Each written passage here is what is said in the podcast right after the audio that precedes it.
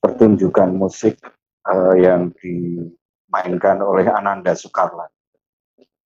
Ananda, Ananda Sukarlan itu main dengan satu jari. Bagi saya pertunjukan itu uh, sangat inspiratif dan kalau hal-hal semacam ini dilarikan ke kesusastraan, apa yang bakal terjadi? Saya kemudian mencoba melakukan eh, mengonsep terlebih dahulu bagaimana kalau seorang penyair itu hanya diberi satu ayat, eh satu baris, apa yang yang dia akan lakukan?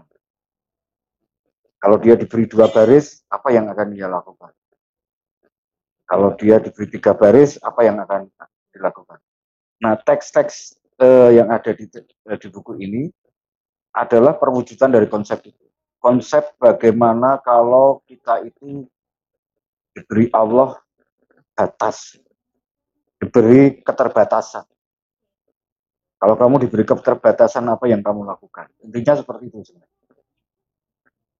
Lalu saya coba, oke, okay, bikin puisi satu baris itu kayak apa? Uh, bermula dari tiada ini adalah puisi satu baris. Kita bermula dari tiada, berakhir pada cahaya. itu ya. ya. Lalu kalau kalau diberi dua baris, apa yang akan anda lakukan? Saya tidak mengurutkan dua baris atau tiga baris karena yang halaman kedua adalah tiga baris. Dan halaman berikutnya adalah tiga baris. eh dua baris. Kalau diberi dua baris, apa yang akan dilakukan? Kalau tiga baris, apa yang dilakukan? nah, yang tiga baris, aku lahir dari hujan dan kotak berada di rahim siapa pun. Tiba-tiba badai datang dan kau bilang, akulah cahaya. Menurut baris halaman yang berikut, aku perlu kitab, kataku akulah kitabmu kata. Nah, ini adalah eh, apa namanya perwujudan dari konsep itu.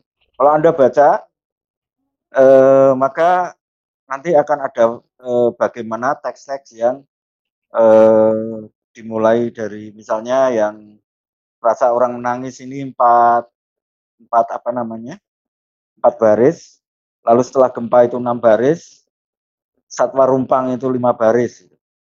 Nah, ini uh, terus begitu. Sampai pada titik tertentu, Anda tahu bahwa manusia itu punya batas. Dia nggak bisa juga uh, apa namanya memenuhi keinginan-keinginannya. Pada batas tertentu saya nggak sanggup ternyata. Nggak sanggup untuk uh, membuat puisi itu urut. Katakanlah tiga tiga tiga empat tiga lima tiga enam tiga tidak bisa pada titik tertentu orang juga punya batas ternyata terwujud juga di teks ini bahwa ada batas-batas itu prosesnya begitu sebenarnya proses bagaimana saya e, mencoba mengonsepkan bahwa manusia sebagai makhluk terbatas itu kalau kemudian menyair apakah dia juga punya batas-batas? Jadi ini puisi yang sangat ketat banget sebenarnya. Bagaimana puisi ini sangat ketat, sangat eh, berhitung banget. Supaya saya nggak nggak terlalu eh, apa namanya berjalan eh, terlalu apa namanya terlalu cepat dan saya juga nggak boleh terlalu lambat sehingga pada titik tertentu eh, saya masih bisa mengikuti alur itu eh, keinginan-keinginan saya eh, batas-batas tertentu oh tidak kamu tuh makhluk terbatas ini di diingatkan juga oleh oleh teks ini, oleh buku ini sendiri. Kamu itu makhluk terbatas. Udah kamu jangan sok deh. Nah, batas-batas itu terwujud di dalam teks. Nah, lalu mungkin sering ketika membahas nabi baru, beberapa orang sering bertanya pada saya, e, bolehkah saya membaca puisi ini e, satu persatu tanpa mengaitkan satu dengan yang lain? Itu terserah saja sebenarnya. Tapi eh, sebagaimana ini sebuah teks yang eh, sebenarnya pernah dibahas oleh Mas Doni sebagai sebuah Iya, struktur. Assignment, ya. Sebagai sebagai struktur kalau di eh, apa ada padat manuro dan lain-lain eh, maka memang harus membaca dari awal. Karena dengan membaca dari awal akan tahu sang aku dan kau yang selalu berdialog itu. Dialog. sampai batas tertentu eh, dialog itu kadang-kadang ya front- frontal untuk apa ya? Yang satu nggak mau ngalah yang satunya juga punya keinginan-keinginan sendiri. Ternyata keinginan-keinginan itu juga punya batas-batas. Jadi ini teks ini mengajari saya banyak hal mas mas Muhajir. Teks ini Mas mengajari Tri. saya banyak hal bahwa gimana? Eh, ada apa sih dengan Nabi dulu? Mas Tri buat cerpen eh, ular di mangkok Nabi, sekarang Nabi baru. Eh, ada apa dengan Nabi di dalam diri Mas Tri? ini? Eh, saya sebenarnya ngajak memikirkan ulang tentang bagaimana kita memahami Nabi. Sebenarnya Mas eh, Muhajir tadi udah mencoba me- sedikit mencoba mengingatkan kita bahwa eh, ada sesuatu yang keliru dalam dalam berrelasi dengan dengan Nabi. Dengan tentu saja sebenarnya berrelasi keliru itu banyak hal. Kita berrelasi dengan Tuhan secara keliru, kita berrelasi dengan Nabi secara keliru, kita beragama secara keliru, sehingga teks ini mencoba mencoba ikhtiar untuk tidak menjawab pertanyaan pertanyaan itu, tapi mencoba eh, mencari kembali kebergairahan kebernabian atau kebergairahan beragama. Ah, mau tidak mau saya harus mencari sesuatu yang baru, sesuatu yang eh, napak, sesuatu yang membuat saya bergairah mengungkapkan hal-hal yang eh, katakanlah, ayo kita pikir ulang tentang kenabian. Nah kalau ka- kalau saya misalnya pakai landasan utama agama saya Islam misalnya, maka eh, akan akan saya tidak layak untuk untuk memasuki area itu. Karena itu saya coba sudah saya bebaskan aja. Eh, kalau mau ngomong ini ini teks ini beragama apa gitu, eh, nggak perlu dihubung-hubungkan dengan keislaman meskipun meskipun beberapa nabi yang saya sebut tentu nabi-nabi Islam dan nabi yang saya kenal. Nah, eh, nabi menjadi sangat penting karena ia simbol simbol kita untuk bersekutu eh, dengan Tuhan, mencari Tuhan, menyatu dengan Tuhan. Saya kira eh, taruhlah gini, Nabi harus di- dikonstruksi dulu. Tapi kalau tidak orang tidak anu, tidak tidak apa kegairahannya untuk mencari Nabi itu eh, apa ya hilang gitu. Taruhlah saya membicarakan Nabi Muhammad atau yang lain, kegairahannya kan hari-hari ini sangat tereduksi oleh banyak hal. Nabi menjadi sangat sangat di apa namanya kemaknaannya sangat diklaim oleh beberapa kekuatan itu hanya sekadar Nabi itu X gitu. Tapi kalau kita baca coba riwayat Nabi Martin Lynch, kita lihat baca riwayat Nabi eh, Karen Armstrong dan lain-lain, Nabi itu sangat tidak seperti yang digambarkan hari-hari ini oleh banyak orang.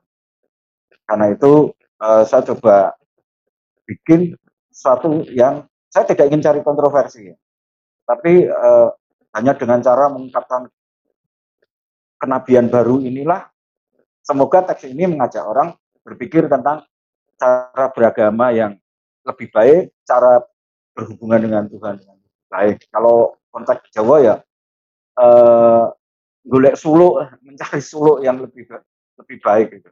Eh, karena dengan dengan begitu eh, orang akan teringatkan bahwa kita ini makhluk-makhluk yang masih keliru loh. Lah kok jumawa sekali, lah kok takabur sekali gitu. Makanya ikhtiar untuk mencari nabi ini penting. Meskipun dalam teks saya tidak mau seorang pun untuk diajak menjadi nabi. Ini mas Majid. Oke, oke. Eh, kalau ini tadi rujukan rujukan tagnya apa? Eh, bentuk bentuknya kalau dulu kan misalnya Mas Ri sudah pernah membuat bersepeda ke neraka. Hmm. itu uh, saya ini seperti burung-burung yang diterjemahkan sama uh, Roni gitu ya. Surga sungsang seperti uh, Marquez. Nah kalau ini itu rujukan teksnya itu ke mana mas saya enggak saya belum pernah membaca yang seperti ini yang dari tadi uh, dari satu kata terus kemudian dua kata ya, ya kalau kalau kalau rujukan teksnya mas sebenarnya dalam sastra Jawa yang eh, dialog antara aku dan kau itu kan banyak sekali. Hmm, uh, ya itu ya. Ini ya. semua dialog semua ya memang ya. ya. Uh, Manunggaling Kaulo Gusti itu kan sebenarnya ikhtiar bagaimana uh, sang makhluk berkait dengan kaliknya gitu kan. Kalau kalau mau, mau cari uh, apa namanya rujukan rujukan uh, dasar pijak itu ya. Dasar pijak itu kan yeah, yeah. sebuah teks kan nggak pernah berada dalam situasi kosong ya. Artinya saya pasti akan saya pasti membaca satu lucu, saya membaca uh, Al-Quran, saya membaca uh, saya baca Injil, saya baca teks-teks uh, yang berkait dengan agama lain. Uh, itu tentu sangat sangat apa ada di kepala kita ya, kepala saya. Paling tidak di kepala saya. Jadi ketika saya kemudian menuliskannya, saya sebenarnya melakukan apa yang uh, dalam konteks ilmu teks itu disebut let, let, lete atau melupakan lah, lupakan kamu itu siapa sebenarnya. Jadi sang naratornya ini uh, tidak perlu lagi dirujuk ke saya. Naratornya yeah. udah Nalin. Jadi saya adalah Trianto, naratornya bisa siapa yang eh, katakanlah eh, sang pencarinya itu tidak perlu lagi dirujuk ke saya, tetapi bahwa jejak saya tentu ada karena eh, eh, tidak apa tidak masuk akal kalau tidak ada jejak-jejak pengarang di dalam teksnya kan. Nah, ya, ya. Tapi tidak perlu terlalu dikaitkan dengan uh, apa sikap keberagamaan saya. Ini lebih sikap kritik saya terhadap keberagamaan. Artinya kalau kalau tanggung jawab pengarangnya ngapain sih gitu, maka tanggung jawabnya adalah pengarang yang ingin hidup hari ini ya bersentuhlah, bersentuhanlah dengan apa yang terjadi hari ini. Karena dengan begitu eh, teks-teks yang diungkapkan akan punya makna dalam kehidupan hari ini. Itu mas. Oke oke. Uh, tapi di sini itu kan tanya jawab ya mas ya. Modelnya ya. kan setiap tag ini kan tanya jawab. Cuma uh, sosok-sosok yang muncul di dalam puisi itu ke puisi yang lain itu bisa berpindah tidak tidak satu uh, narator tunggal gitu ya. Iya, eh pada mulanya aku dan kau ya. Aku dan kau, kemudian aku dan saya Cacing gitu ya. Karena, karena saya Cacing itu kan salah satu tokoh yang saya gunakan untuk uh, lalu saya Cacing bercerita itu tentu tokohnya akan bisa berubah juga. Tapi intinya memang eh, yang dominan adalah aku dan kau aku dan kau lalu uh, ada tokoh-tokoh lain yang muncul uh, ada tokoh-tokoh yang memang muncul sebagai katakanlah ruang untuk mewadarkan apa yang sebenarnya diinginkan oleh uh, sang pengarang melalui naratornya.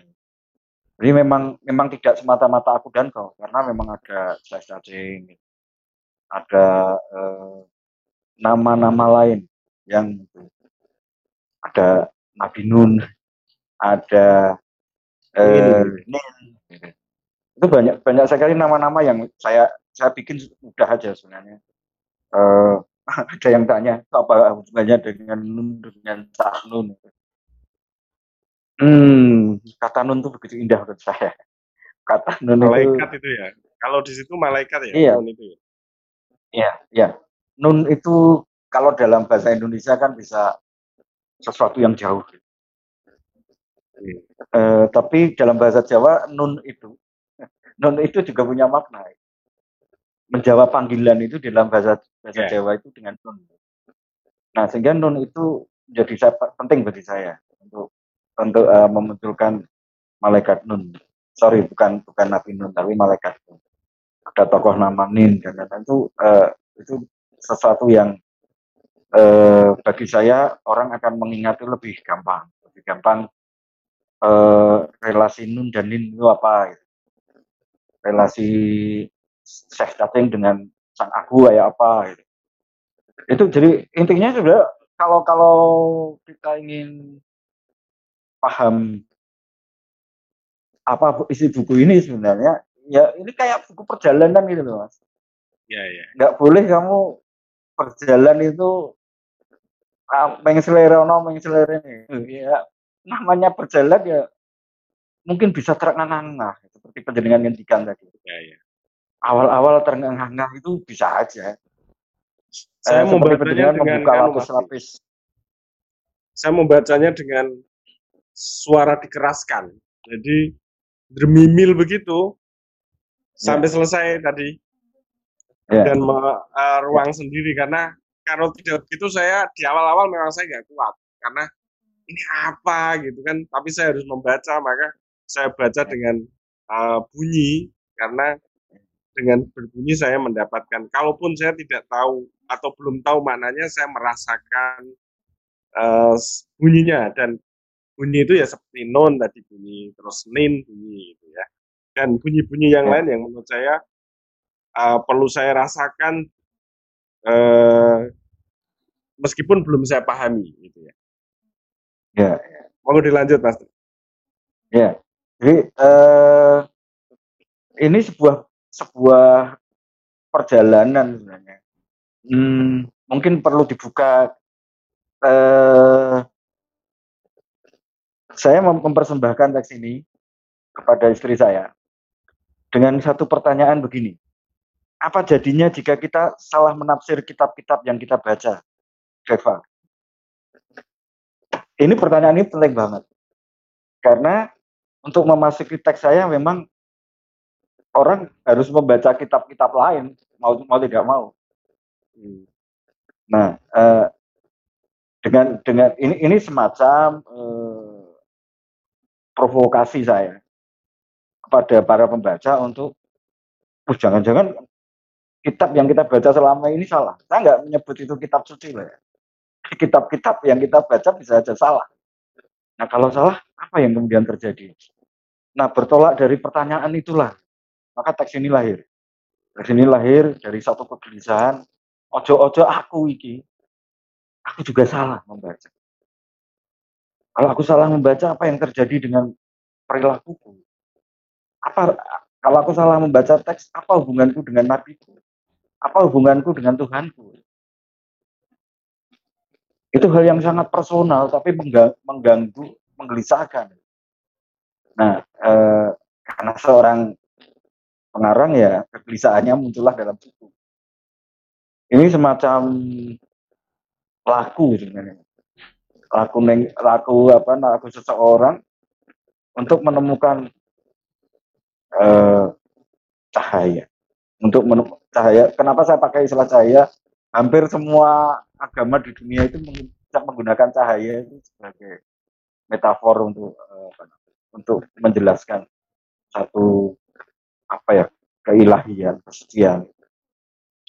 Eh, sehingga bagaimana orang golek cahaya itu? Oh, iso kebentur-bentur.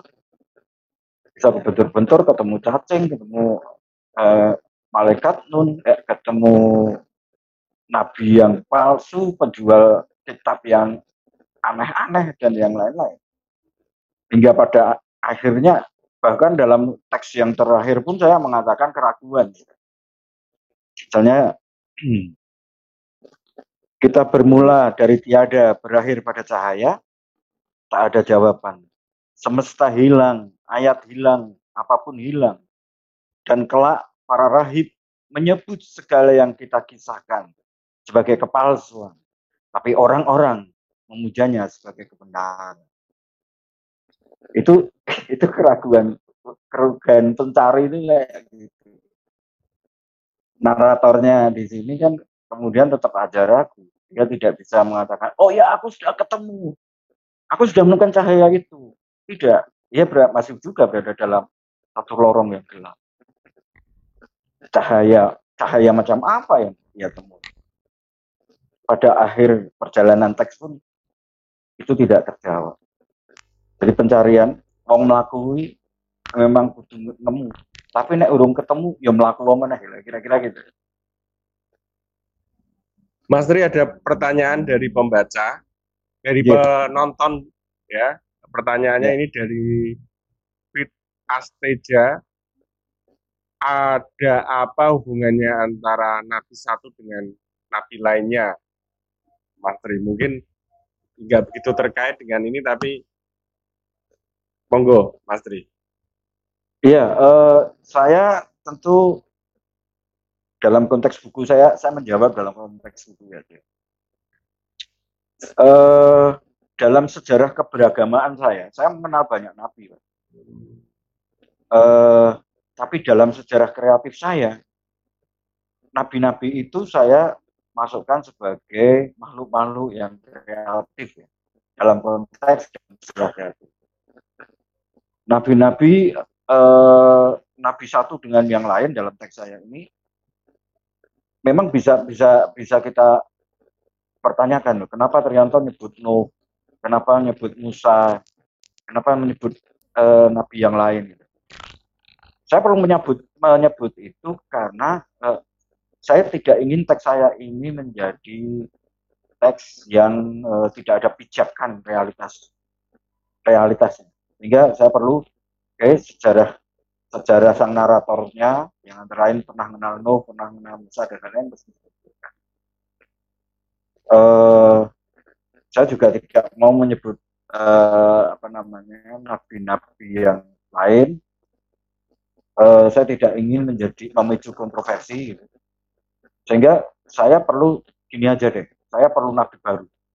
Nabi baru itu siapa? Narator, narator menjelaskan di sini. Meskipun kemudian nabi baru itu tidak pernah ditemukan karena tidak ada seorang manusia pun yang oleh kau di situ di, uh, apa uh, yang oleh kau uh, dicari oleh kau tapi uh, tidak ada seorang pun dan bahkan aku yang ditunjuk menjadi nabi tidak mau jadi nabi. Dengan kata lain, uh, kalau pembaca yang cerdas akan tahu Apakah kita perlu nabi baru? Apakah kita perlu nabi baru atau kita memperbarui saja pemahaman kita terhadap nabi yang indah itu? Nabi yang mungkin kita uh, saya pribadi tentu akan punya nabi yang saya yang indah itu. Nah, pembaca-pembaca yang tabah yang mengikuti sampai terakhir akhirnya akan tahu. Saya mengajak memahami kenabian eh, kenabian yang dulu-dulu dengan cara baru atau saya sebenarnya menawarkan kita cari nabi baru aja yuk uh, di sana akan kejawab mas. Tapi saya nggak mau uh, apa ya saya ingin para pembaca itu mencarinya supaya uh, eman-eman ya. Kalau membaca buku kemudian diberitahu oleh apa pengarangnya ini loh isinya ini bahaya itu kalau kayak gitu. Gitu mas. Oke. Okay. Oke, Mas Tri, uh, ada puisi berjudul Hanya. Ya. Uh, Mas Tri banyak berbicara juga tentang kematian, ya, Mas Tri ya. Ya, ya. Termasuk itu yang hanya itu. Uh, di Ya, saya, ya. saya coba cari. Hanya. Atau Anda bacakan nggak, Pak? Supaya publik tahu uh, apa ya. Oke, okay, oke. Okay. Halaman 27, hanya. Ya, Kaulah ya. yang menciptakan kematian, katamu, bukan aku.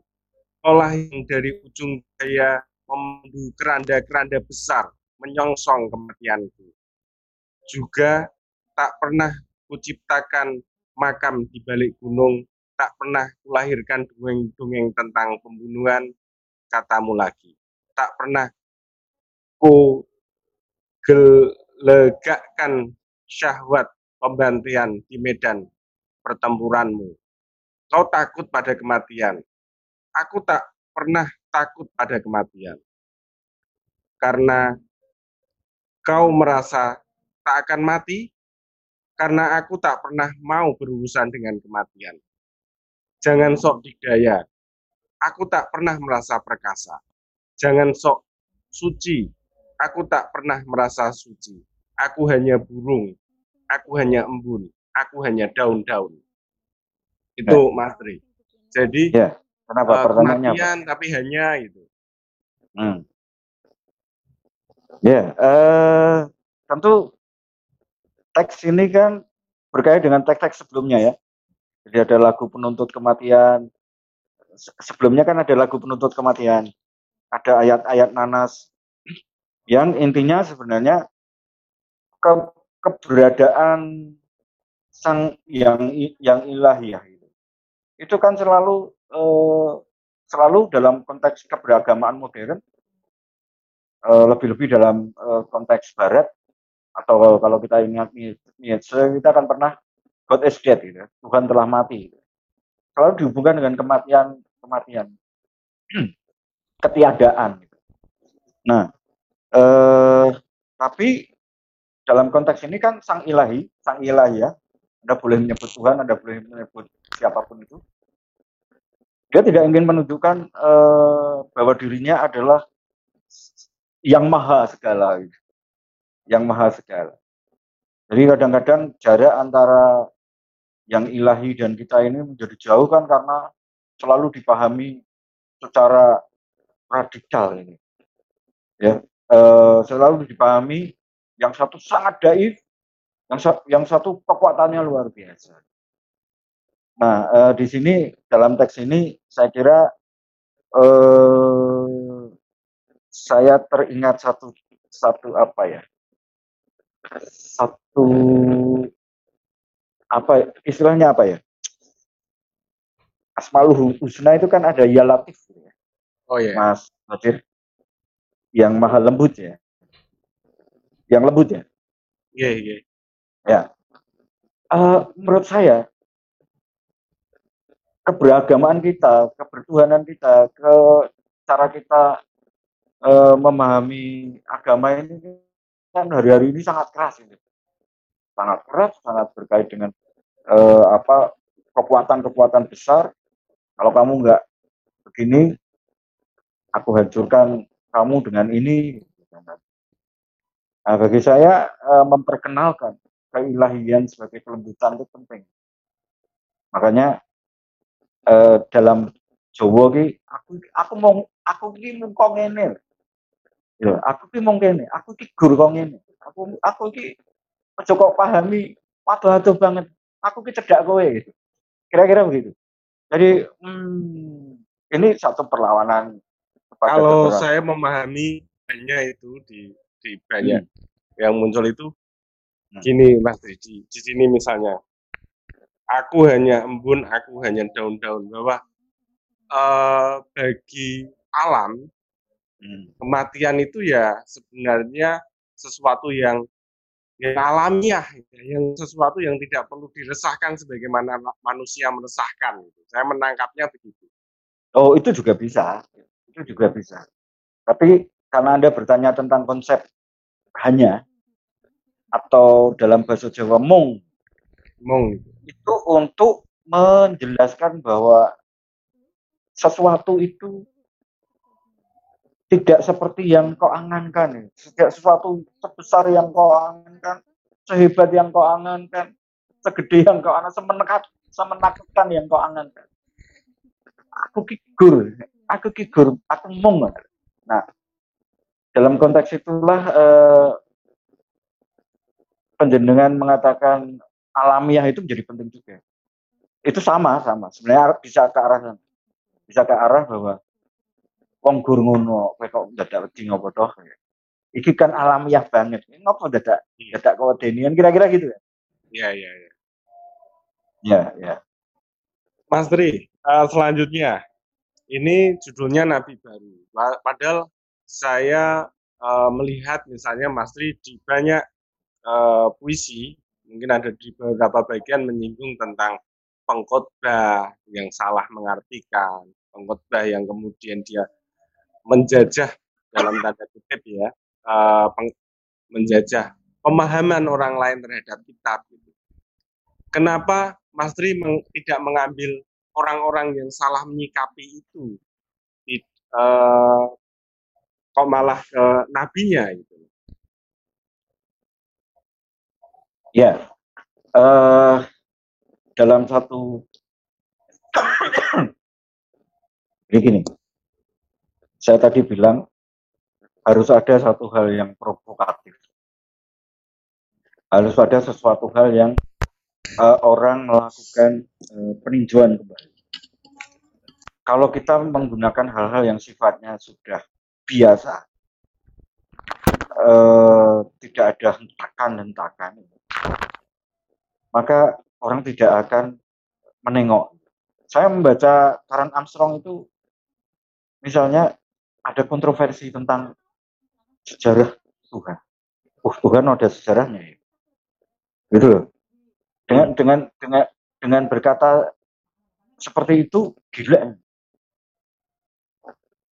atau bisa di oh, pertanyaan oh, Tuhan, masa, eh, Tuhan punya masa lalu ya oh Tuhan punya masa depan juga ya. Gitu dengan dengan dengan uh, satu hentakan keras meskipun uh, hentakan itu mungkin mungkin orang akan bisa membuat satu teks begitu nabi palsu. Tapi saya tidak ingin sekeras itu. Saya ingin uh, tetap tetap menggugat, tetap provokatif, tapi masih dengan cara yang uh, gitu. Karena dengan mengatakan nabi baru, orang akan bisa saya ajak masuk ke cara berpikir memahami nabi baru. Memahami nabi secara baru maupun memahami apakah perlu nabi baru. Uh, dalam ke, konteks keberagamaan uh, konvensional selama ini kan memang diperlukan nabi-nabi, ya diperlukan juru selamat dengan Mesias, diperlukan uh, perantara Tuhan, tidak bisa langsung uh, Tuhan uh, langsung ke malaikat, malaikat langsung ke manusia. Diperlukan manusia-manusia perantara yang kita sebut sebagai nabi itu. Sehingga menurut saya, saya masih saya harus mencari uh, ruang untuk berbicara dan ruang untuk berbicara itu adalah nabi baru. Uh, itu ada ruang berbahasa saya, ruang mengekspresikan pikiran-pikiran, ruang mengungkapkan gagasan agar orang menengok cara beragamanya, menengok cara berrelasi dengan Nabi, berrelasi dengan Tuhan. Mereka nanti pada akhirnya akan menemukan sendiri-sendiri uh, buku saya hanyalah sebuah ikhtiar untuk uh, ngajak gitu loh. Yo yo yo. Yo, pahami yuk, pahami cara cara beragama baru ya. Ya pahami cara memahami kelembutan ya cara memahami hal-hal yang sifatnya ada dan tiada. Masih perlukah kita beragama? Pertanyaan-pertanyaan itu menjadi penting di sini. Masih pentingkah kita punya nabi? masih pentingkah kita punya Tuhan uh, dalam teks-teks dalam Nabi baru ini orang akan uh, diajak bertanya semacam itu kemudian diajak menjawab dan menjawabnya itu nggak perlu sama sama dengan bukunya menjawabnya sendiri-sendiri saya yakin Mas Muhajir akan punya jawaban sendiri ketika saya ajak ngomong soal Nabi baru gitu Mas Oke Mas Tri ini ada pertanyaan ini betapapun pertanyaannya harus dijawab uh, dari Meli. Ya. Pak, kumpulan puisinya kan judulnya Nabi Baru. Itu ada cerita nabi-nabinya, Pak. Oke, kalau nggak perlu dijawab juga nggak apa-apa, Mas Tri. Ya, ya ada, ada.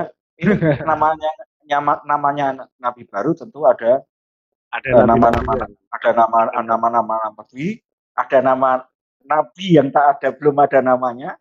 Nah. Yang ditawarkan tapi nabi yang kemudian menolak dirinya menjadi nabi Ya. Itu nabi-nabi yang yang yang ada di sini. Ada kalau mau nanya-nanya ya, siapakah nabi-nabi, coba baca dulu. Baca, harus baca dulu. Nggak boleh Ya. cuma tanya. Hmm. Halo Mas Dri. Oke, Eh, Mas Dri, ini kan buku ditulis cukup lama ini. Dari tahun 2016 sampai 2020. Eh, Ya. Pertanyaan saya apakah memang ditulis eh, ini berjalan saja sampai kemudian ini sudah jadi gitu.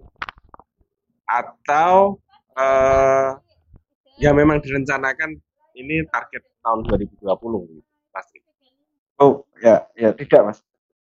Eh saya itu orang yang menulis banyak hal dalam suatu gebrakan. Pada saat sama saya menulis novel bertajuk Metamor.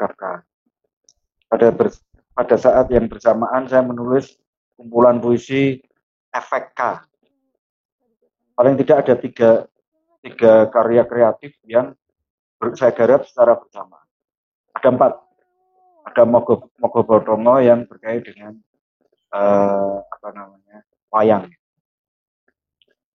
Eh, sehingga memang kadang-kadang eh, saya lebih asik menyelesaikan di novel dulu. Saya lebih asik menyelesaikan di eh, di teks yang lain. Sehingga kalau sampai lama itu masuk akal karena saya menggarap semua hal itu dalam konteks yang bareng. Eh, konteks yang bareng tentu dengan eh, disiplin saya yang cukup ketat. Kalau saya sedang berada di A, saya nggak akan mikir yang B. Kalau saya sedang di B, saya nggak mikir yang C. Nah, sehingga ya nabi baru termasuk yang eh, yang saya dahulukan malah ketimbang yang lain-lain. Saya dahulukan hmm, termasuk bagaimana eh, batas keterbatasan saya itu justru melahirkan nabi baru menjadi yang yang paling paling awal jadi. Kenapa? Saya tidak mau melampaui batas-batas saya. Kalau saya misalnya menarget ini tidak sesuai dengan target yang saya rancang sejak awal. Kalau boleh bercerita ya. Sejak awal saya ingin eh, membuat bagaimana kalau kita menulis puisi satu baris sampai 99 baris. Nah, tapi ternyata orang itu punya batas itu sekali lagi. Aku saya bisa mungkin hanya mencapai pada tahapan angka 70 gitu. Setelah ya setelah yang anu eh, saya nggak mau melampaui batas batas ketidakbisaan saya. Batas ketidakbisaan saya itulah yang kemudian eh, membuat saya oh ya teks ini berakhir di sini. Nggak boleh kamu cari-cari lagi. Kamu kok nggak paham pada batasmu toh? Nah, Kira-kira pertanyaannya begitu. Nah, tetapi tentu saja eh, teks ini utuh. Gitu. Teks ini utuh artinya kalau perjalanan dari A sampai Z itu sangat utuh. Hanya kalau apakah ini sesuai dengan keinginan awal enggak gitu. Tapi bagi saya apakah keinginan awal itu yang lebih baik dari sekarang? Menurut saya enggak juga. Enggak juga. Sangat mungkin keterbatasan saya yang sampai hari ini, kerumpangan saya, kegagalan saya yang indah hari ini ini justru ya justru itulah keindahannya. Justru itulah yang disebut batas. Karena saya memang bertolak dari apa yang disebut dengan keterbatasan. Itu, Mas. Oke, eh, selanjutnya Mas Tri saya membaca ini tertarik eh, puisi perihal penista agama halaman 103. Saya Ya. membaca, eh, saya diskusi juga sama teman-teman tentang buku ini kemarin bahwa buku ini sangat sangat serius sekali. Kayak ada yang berpendapat apa Mas Trianto itu nggak punya selera humor ya kok. Bukunya dari awal sampai akhir serius sekali. Tapi saya melihat humor di sini di perihal penista agama. Meskipun humor itu ya dipersiapkan dengan serius. Eh, misalnya bagaimana cara mendeteksi bahwa seseorang itu melakukan penistaan itu melalui uh, bahkan melalui mimpinya gitu, melalui tidak masuk akal gitu kan uh, pertanyaannya itu. Uh, bagaimana tentang puisi ini, Mas menurut jenengan? Ya, uh, oh saya itu membuat ini dengan lucu-lucuan loh, Mas. Iya, iya, iya. Misalnya jika kelereng mereka berjumlah 10, maka mereka akan menghina menghina tiga kali sebelum kokok ayam pertama. Itu uh, salah satu puisi yang lucu menurut saya di sini yang menurut teman-teman itu Mas Triki orang di selera humor ya gitu, di dalam tag maksudnya. Iya, begini mas. Uh, saya membuat nabi baru itu dengan humor, mas. Hmm. Nabi barunya ini teks ini nih humor kan.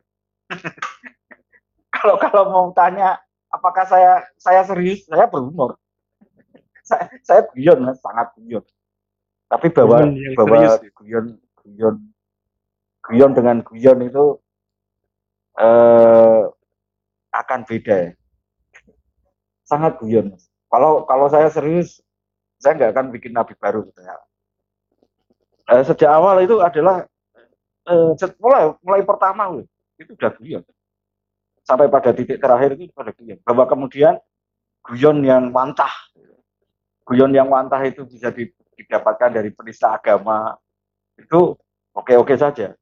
Tapi sejak awal kita ngomong tentang apa eh, cacing, tentang macam-macam itu sele, apa pendekatan saya pendekatan lucu-lucuan. Kalau orang orang orang paham benar apakah lucu, maka kelucuan itu ada. Ada bahkan cobalah cari di beberapa teks itu eh, isyarat tentang kelucuan itu sangat muncul. Hmm. Bersujud pada pedagang budak misalnya. Sekarang bersujudlah kepada pedagang budak. Itu kalimat kalimat apa? Kalimat lucu atau kalimat kalimat yang lain? Pedagang budak. Konsujud itu. Ini lucu-lucu yang ngopo tuh kayak Sebenarnya kalau belajarlah pada gembala babi merah. Itu ya lucu-lucuan menang. Gitu loh mas. Tapi okay. uh, eh, intinya apakah selera humor itu uh, ada sejak awal saya berhumor. Sejak awal saya berhumor. Uh, cuma monggo dipahami humor itu apa sih sebenarnya. Panjenengan nek kayak Gusti Allah, guyon mbek Gusti Allah kayak enak. Tapi nek ora cedak mbek Gusti Allah wat ora iso guyon. Jadi itu teks guyon Mas, percayalah. Bahwa ini teks guyon. Oke, Mas Tri, selanjutnya uh, Mas Tri sering sering menggunakan warna itu ya uh, di di puisi ini. Misalnya warna itu di di menempel pada pada nisan, misalnya tadi nisan merah muda gitu ya. Atau banyak sekali uh, kata hijau jingga gitu ya. Hmm. itu kenapa mas Rik kayak gitu itu. Uh, sangat sangat banyak. Uh, seperti saya melihat ini seperti lukisan ya.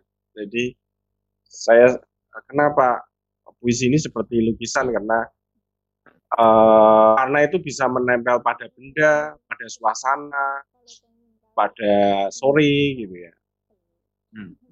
Ada apa dengan itu Mas? Ada apa Mas Tri dengan warna-warna itu? Ya, Mas, saya tuh orang yang sangat eh, dalam banyak hal, termasuk bagaimana merancang cover. Ya, buku ini coba lihat covernya, itu sangat rupa, sangat rupa dan rupa selalu berkait dengan warna. Saya itu sangat ingin menghadirkan uh, sesuatu itu dalam konteks seperti uh, apa ya itu metafor sebenarnya metafor untuk menunjukkan urip warna-warna itu ono hijau abangi gitu. orang gur putih orang gur ireng jadi dengan dengan itu karena saya itu orang yang belajar semiotika itu. Makanya ketika ngomong apa pun itu tak hitung eh, tanda-tandanya sangat saya itu kalau saya sampai menyebut babi merah saya menyebut misalnya uh, ular hijau dan ini sangat saya hitung. Sangat saya hitung sebagai satu cara untuk uh, memberikan kepada pemahaman pembaca bahwa hidup ini janganlah hanya monokrom gitu, satu warna. Sebagaimana hidup ini jangan dengan dengan satu pemahaman. Jangan hanya dengan satu uh, ideologi. Karena dengan dengan tidak memberi ruang kepada hal-hal yang sifatnya itu itu saja maka teks menjadi sekaligus kayak warna. Warna dalam pengertian warna maupun sebenarnya itu metafor. Setiap teks, setiap tanda yang muncul kan sebenarnya metafor untuk menunjukkan kehidupan itu sendiri.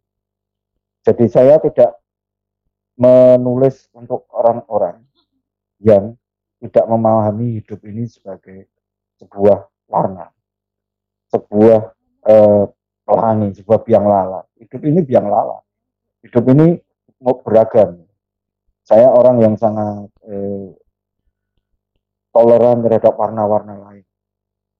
Eh, saya orang yang sangat asik untuk hidup di dalam warna-warna lain. Jadi eh, dan alhamdulillah saya adalah orang yang diberi warna-warna lain atau ruang-ruang lain oleh Tuhan. Saya tidak hanya eh, misalnya hidup di kultur Jawa, saya bisa aja sebagai orang Jawa yang pergi ke Eropa, orang Jawa pergi ke Amerika, ke tempat-tempat lain, ke warna-warna lain. Jadi eh, itu sekali lagi itu otomatis nih. Karena saya adalah, ya karena saya adalah orang yang hidup dalam banyak warna. Maka ya teks-teks saya saya kira menyuarakan itu semua lah. Buku-buku saya itu nyaris menyuarakan banyak hal. Nabi ya tidak satu warna, malaikat ya tidak satu warna gitu. Hmm. Tuhan juga tidak satu warna. Oke, atau jangan-jangan memang permasalahan tentang bagaimana orang memahami Nabi, uh, memahami agama itu karena mereka uh, melihat dari satu warna saja. Ya, betul penjenengan. Betul penjenengan. Jadi janganlah kita memahami dari satu warna karena dengan satu warna atau bahasa gampangnya satu perspektif ya kita hanya akan mendapatkan satu perspektif. Bahaya hidup dalam satu perspektif. Karena kehidupan itu eh, banyak sudut. Kalau kita hanya hidup dalam satu sudut, eh, maka saat, eh, seperti Satria bilang, orang lain akan menjadi neraka. Atau neraka adalah orang lain.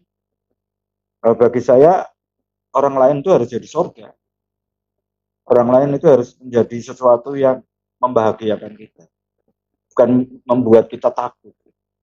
Hari-hari ini kita menganggap orang lain neraka memang.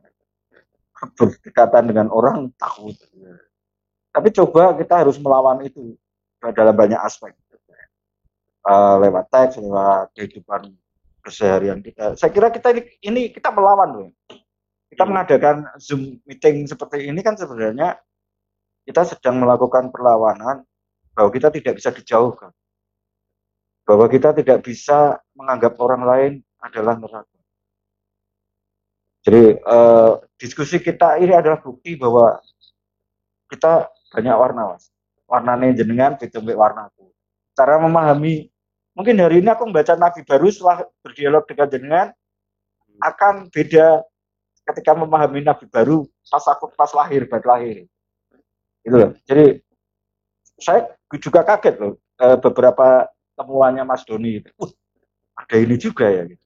Nah, saya saya saya yakin setiap pembaca akan menemukan hal-hal yang lain yang tidak perlu sama dengan saya. Uh, Mas Tri, ini waktunya uh, menjelang berakhir, maka saya uh, mau membacakan tadi saya lupa mengenalkan Mas Tri itu siapa meskipun saya yakin juga sudah banyak yang tahu gitu ya uh, Mas Tri uh, Trianto Triwikromo ini menerima uh, anugerah tokoh seni pilihan Tempo pada 2015 lalu pada buku puisi Kematian Kecil Kartosuwiryo. Buku yang sama masuk lima besar Pusala Sastra Katulistiwa. Terus kemudian ia juga menulis kumpulan puisi Selir Musim Panas. Hampir setiap tahun Mas Tri ini menerbitkan buku nggih Mas Tri? Nggih, hampir. Bisa lebih dari satu gitu ya. Terus kemudian uh, menerima penghargaan sastra tahun 2009 dari Pusat Bahasa untuk buku kumpulan cerpen Ular di Mangkok Nabi dan penghargaan kesetiaan berkarya dari Kompas tahun 2017. Sepanjang 2013 sampai 2019 telah 17 cerita Trianto masuk cerpen pilihan Kompas.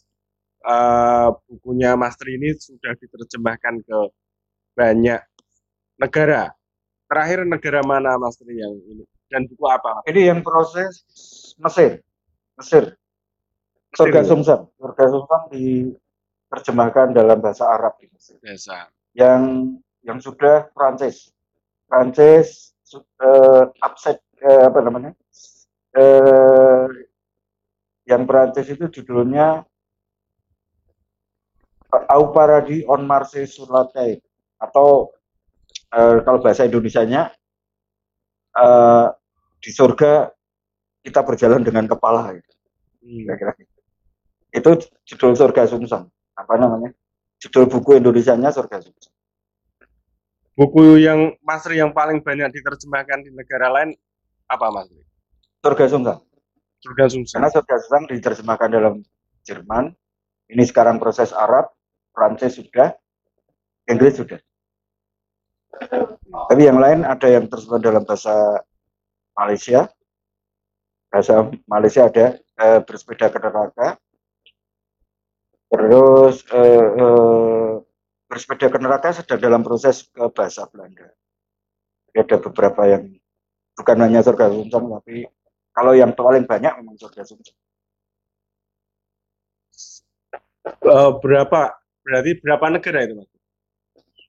Jadi, lima uh, ya Prancis Prancis Arab sekarang Arab Inggris Inggris Belanda sudah uh, apa namanya Malaysia Malaysia. Ya negara. Jerman sudah belum ya? Sudah saya sebut karena banyak teks oh, saya belum berarti enam ya? ya karena banyak teks saya yang diterjemahkan dalam bahasa Jerman.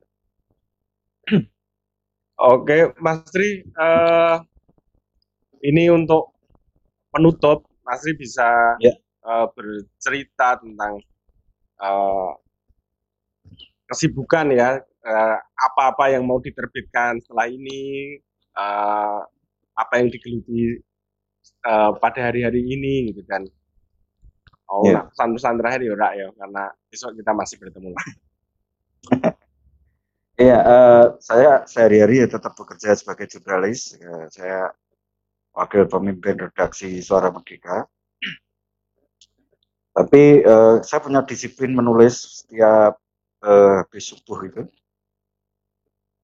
untuk menyelesaikan beberapa teks yang harus saya selesaikan.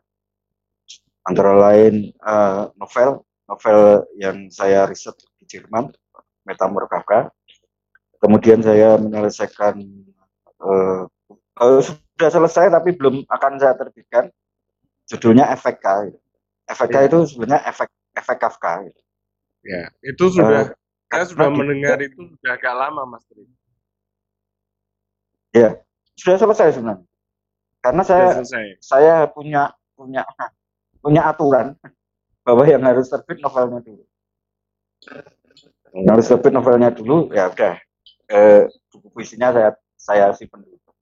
Lalu saya menyelesaikan juga eh, eh, kumpulan puisi wayang eh, Mahabharata cukup panjang, cukup tebel. Eh, tentu anda kalau baca Kompas beberapa kali udah keluar di Kompas beberapa contohnya. Uh, itu dan yang uh, saya juga sedang garap adalah kuil api Drupadi saya nulis tentang eh, Drupadi tapi dalam eh, tentu sangat beda dengan Drupadi yang sudah sudah dibaca oleh orang-orang eh, Bentuknya banyak. puisi atau apa, Mas? novel novel Novel. Novel liris. Eh, novel novel tapi agak liris. Itu eh, tentang Drupadi yang eh, saya cu- sudah cukup banyak baca buku Drupadi yang India maupun yang Indonesia. Eh, yang Diva Karuni maupun Seno dan lain-lain. Tapi saya ingin coba bikin sesuatu yang lain dengan sudut pandang yang lain.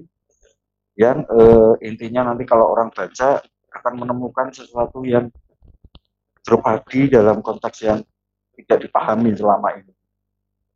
Itu bagi saya penting. Ya, menulis menulis itu harus memberi hal, hal yang baru.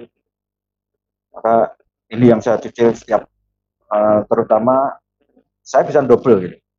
Bisa double gini. Maksud saya bisa double itu jam eh, saya men- meneruskan metamorkafa dan saya jeda sebentar, saya fokus ke Drupadi. Ini juga sedang saya selesaikan. Itu kira-kira nanti jam 9 saya ngantor itu saya udah nggak mikir teks saya. Saya nggak mau di kantor pikir teks saya. Ini saya hari ini saya melanggar aturan. Saya di kantor ngomongin karya saya.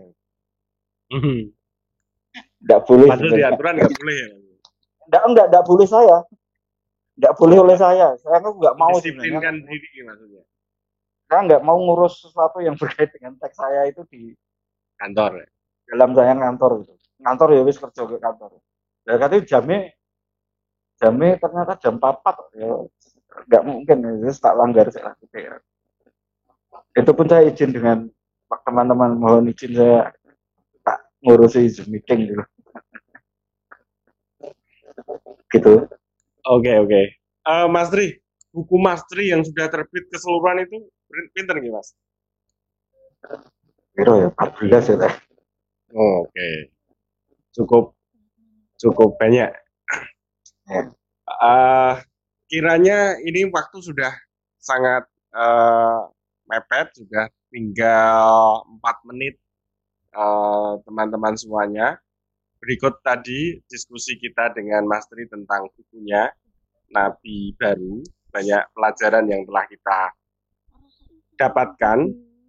Tentu saja apa yang kami bicarakan tadi itu kurang lengkap ya, karena buku ini panjang. Ini buku ini eh, ada 195 halaman, maka tidak mungkin kita bicarakan secara tuntas dalam waktu cuma satu jam. Maka untuk itu teman-teman eh, tadi diskusi tadi hanya pemantik saja, pemantik saja, hanya eh, ya pintu masuk bagi anda untuk memahami buku ini lebih lanjut, gitu ya. Maka eh, saya silahkan untuk memiliki buku ini dan membacanya, mempelajarinya. Nanti ketemu Mas Tri lagi di lain kesempatan yang lebih luas. Eh, begitu eh, diskusi pada sore hari ini. Terima kasih Mas Tri. Ya, sama-sama. Terima kasih eh, penyelenggara Bukit Buku. Kita akhiri pertemuan sore hari ini. Selamat bertugas kembali Mas Tri. Nggih. Assalamualaikum warahmatullahi wabarakatuh.